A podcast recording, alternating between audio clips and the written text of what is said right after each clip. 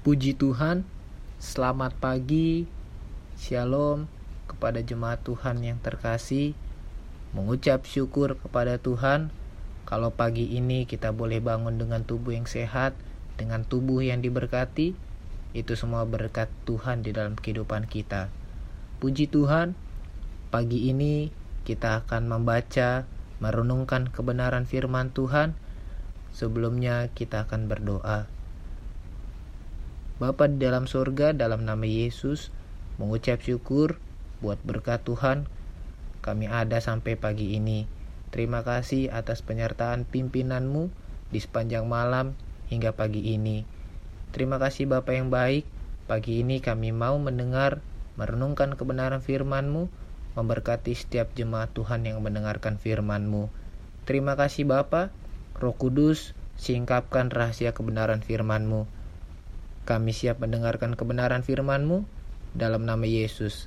Haleluya. Amin.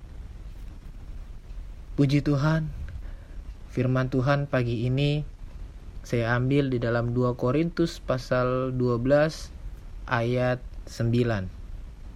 2 Korintus pasal 12 ayat 9. Demikian firman Tuhan. Tetapi jawab Tuhan kepadaku, Cukuplah kasih karuniaku bagimu, sebab justru dalam kelemahanlah kuasaku menjadi sempurna.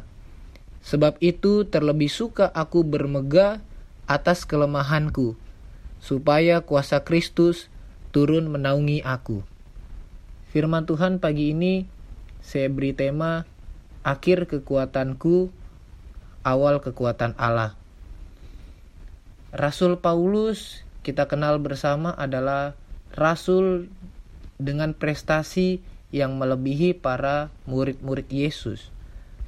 Rasul yang memiliki prestasi besar di dalam pelayanannya. Secara garis besar ada dua prestasi yang ia raih dalam pelayanan. Ada dua prestasi besar yang ia telah raih dalam pelayanan. Yang pertama ia menulis 14 kitab di dalam Alkitab.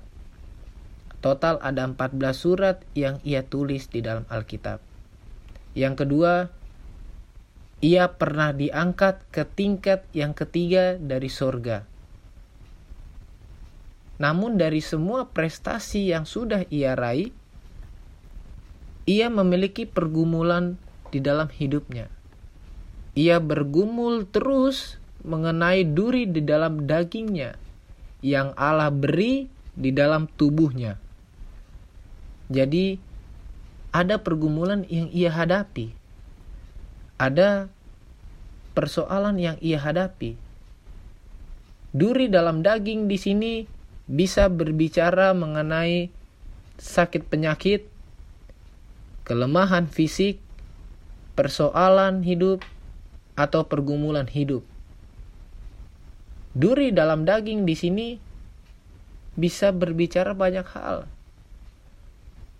Bisa sakit penyakit, kelemahan fisik, persoalan, pergumulan, atau tantangan hidup. Ada banyak prestasi yang Paulus miliki, namun ada persoalan, tantangan yang ia hadapi. Apa tujuan Allah memberikan duri dalam daging di dalam kehidupan Paulus? Apa tujuan Allah memberikan duri di dalam daging di dalam kehidupan kita? Di dalam kehidupan ini tidak serta-merta hal-hal enak yang Allah beri. Tidak selamanya Allah memberikan hal-hal yang menurut daging kita enak yang menurut daging kita baik. Namun ada pergumulan, ada tantangan yang Allah izinkan terjadi supaya kita terus berharap kepada Tuhan. Ada tiga hal yang kita bisa perhatikan pagi ini. Apa tujuan Allah menaruh duri di dalam hidup Paulus? Apa tujuan Allah memberi duri di dalam daging bagi kehidupan kita. Ada tiga hal yang bisa kita perhatikan pagi ini. Yang pertama adalah supaya jangan sombong.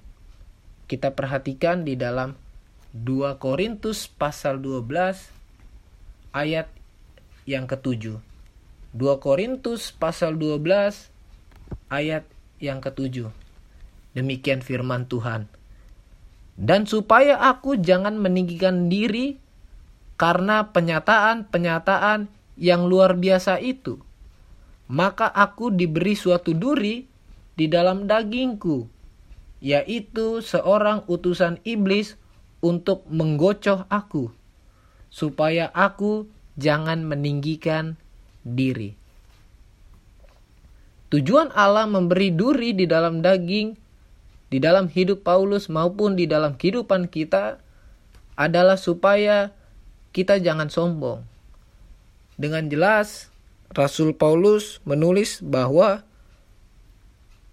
utusan iblis datang untuk menggocoh dia supaya dia jangan sombong atas pengalaman-pengalaman rohani yang ia telah alami. Supaya ia jangan menjadi sombong. Allah menaruh duri di dalam daging agar kita tidak bermegah dengan apa yang kita telah raih. Allah menaruh duri di dalam daging hidup Paulus agar dia tidak memegahkan diri dengan pengalaman-pengalaman rohani yang luar biasa yang telah ia raih. Sebab lewat duri dalam daging itulah kuasa Tuhan hadir dengan nyata di dalam kehidupannya. Lewat duri di dalam daging itulah kuasa Tuhan nyata di dalam hidup kita. Di dalam Yakobus 4 ayat 6 dengan jelas mengatakan bahwa Allah menentang orang yang sombong. Allah menentang orang yang congkak. Sebaliknya, Allah mengasihani orang yang rendah hati. Kita bisa perhatikan bahwa ketika kita sudah memiliki rasa sombong, tentunya Allah akan memberikan persoalan dalam kehidupan kita.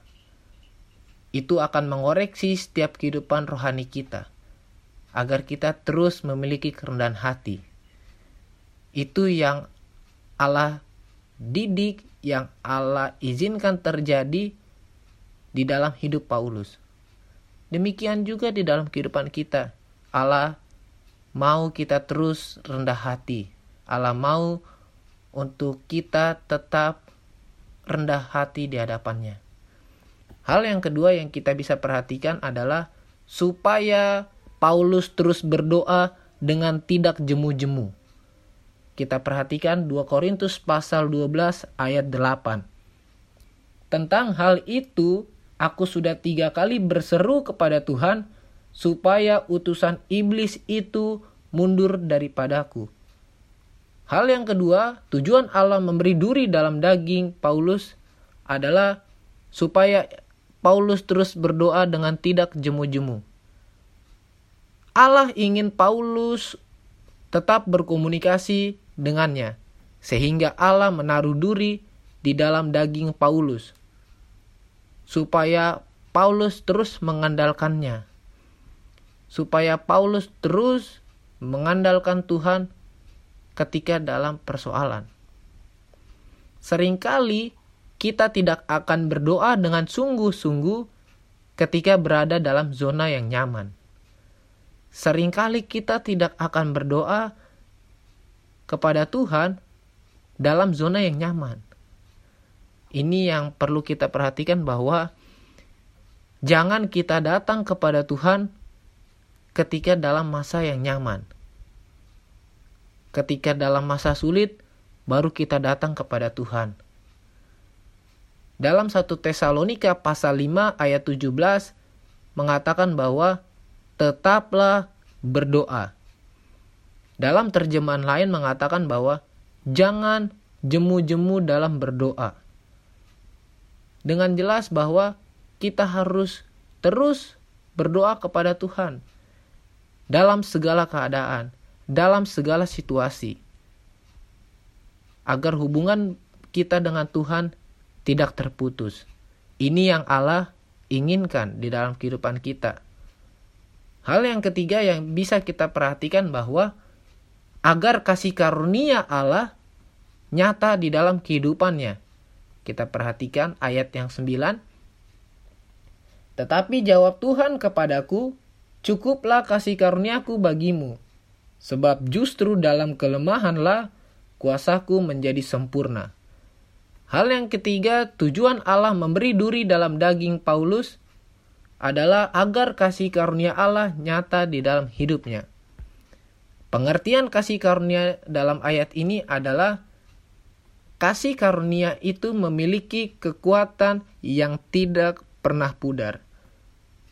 Jadi, kekuatan kasih karunia ini yang akan menaungi kita di dalam menghadapi persoalan. Dan kekuatan kasih karunia ini yang akan membuat kita menjadi sempurna, yang akan membuat manusia itu menuju kepada kesempurnaan. Kasih karunia ini nyata dengan kekuatan sorgawi melalui Roh Kudus yang ditaruh dalam hidup kita.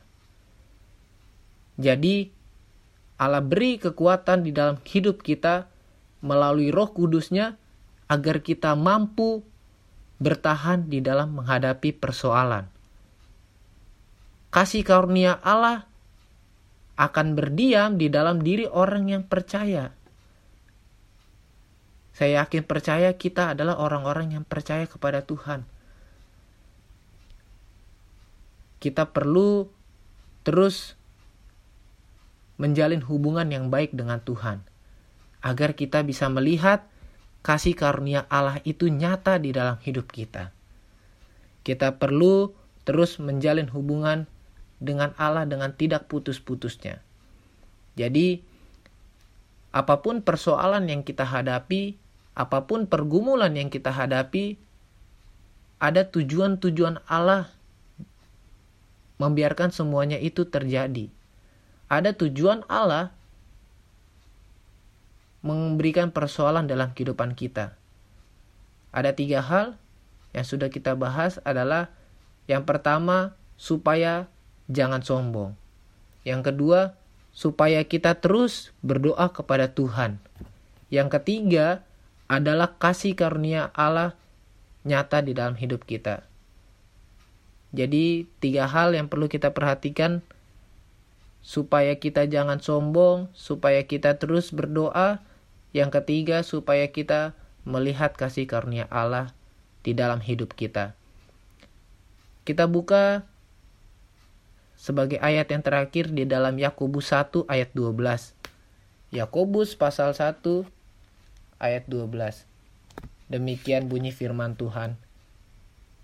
Berbahagialah orang yang bertahan dalam pencobaan, sebab apabila ia sudah tahan uji, ia akan menerima mahkota kehidupan yang dijanjikan Allah kepada barang siapa yang mengasihi Dia. Dengan jelas, firman Allah berkata bahwa ketika kita bertahan dalam menghadapi persoalan, pencobaan, Allah akan memberikan upah. Upahnya adalah mahkota kehidupan. Jadi, ketika kita bertahan dalam persoalan, dalam pergumulan, akan ada upah yang Allah berikan di dalam hidup kita. Jadi, apa pun yang sedang kita alami saat ini, mari jemaat Tuhan, kita sama-sama berdoa, kita sama-sama datang kepada Tuhan, meminta kasih karunia Allah itu nyata di dalam kehidupan kita. Kita minta kesabaran untuk kita menantikan waktu Tuhan yang terbaik untuk memulihkan bangsa ini. Puji Tuhan, demikian firman Tuhan pagi ini. Kita akan berdoa. Bapa yang baik, dalam nama Yesus, terima kasih untuk kebenaran firman-Mu pagi ini. kami sudah membaca, merenungkan kebenaran firman-Mu. Allah Roh Kudus, materaikan tanamkan firman-Mu, mampukan kami melakukan kebenaran firman-Mu di dalam hidup kami. Kami akan menjalani hari yang baru di hari ini ya Bapa. Memberkati setiap kami, memberkati kehidupan kami, mencukupi apa pun yang menjadi kebutuhan kami di hari ini. Memberkati jemaat Tuhan, memberkati dengan berkat jasmani maupun berkat rohani. Terima kasih Bapak yang baik, terima kasih. Mengucap syukur berterima kasih kepadamu dalam nama Yesus. Haleluya. Amin. Puji Tuhan. Selamat beraktivitas. Tuhan Yesus memberkati kita semuanya. Amin.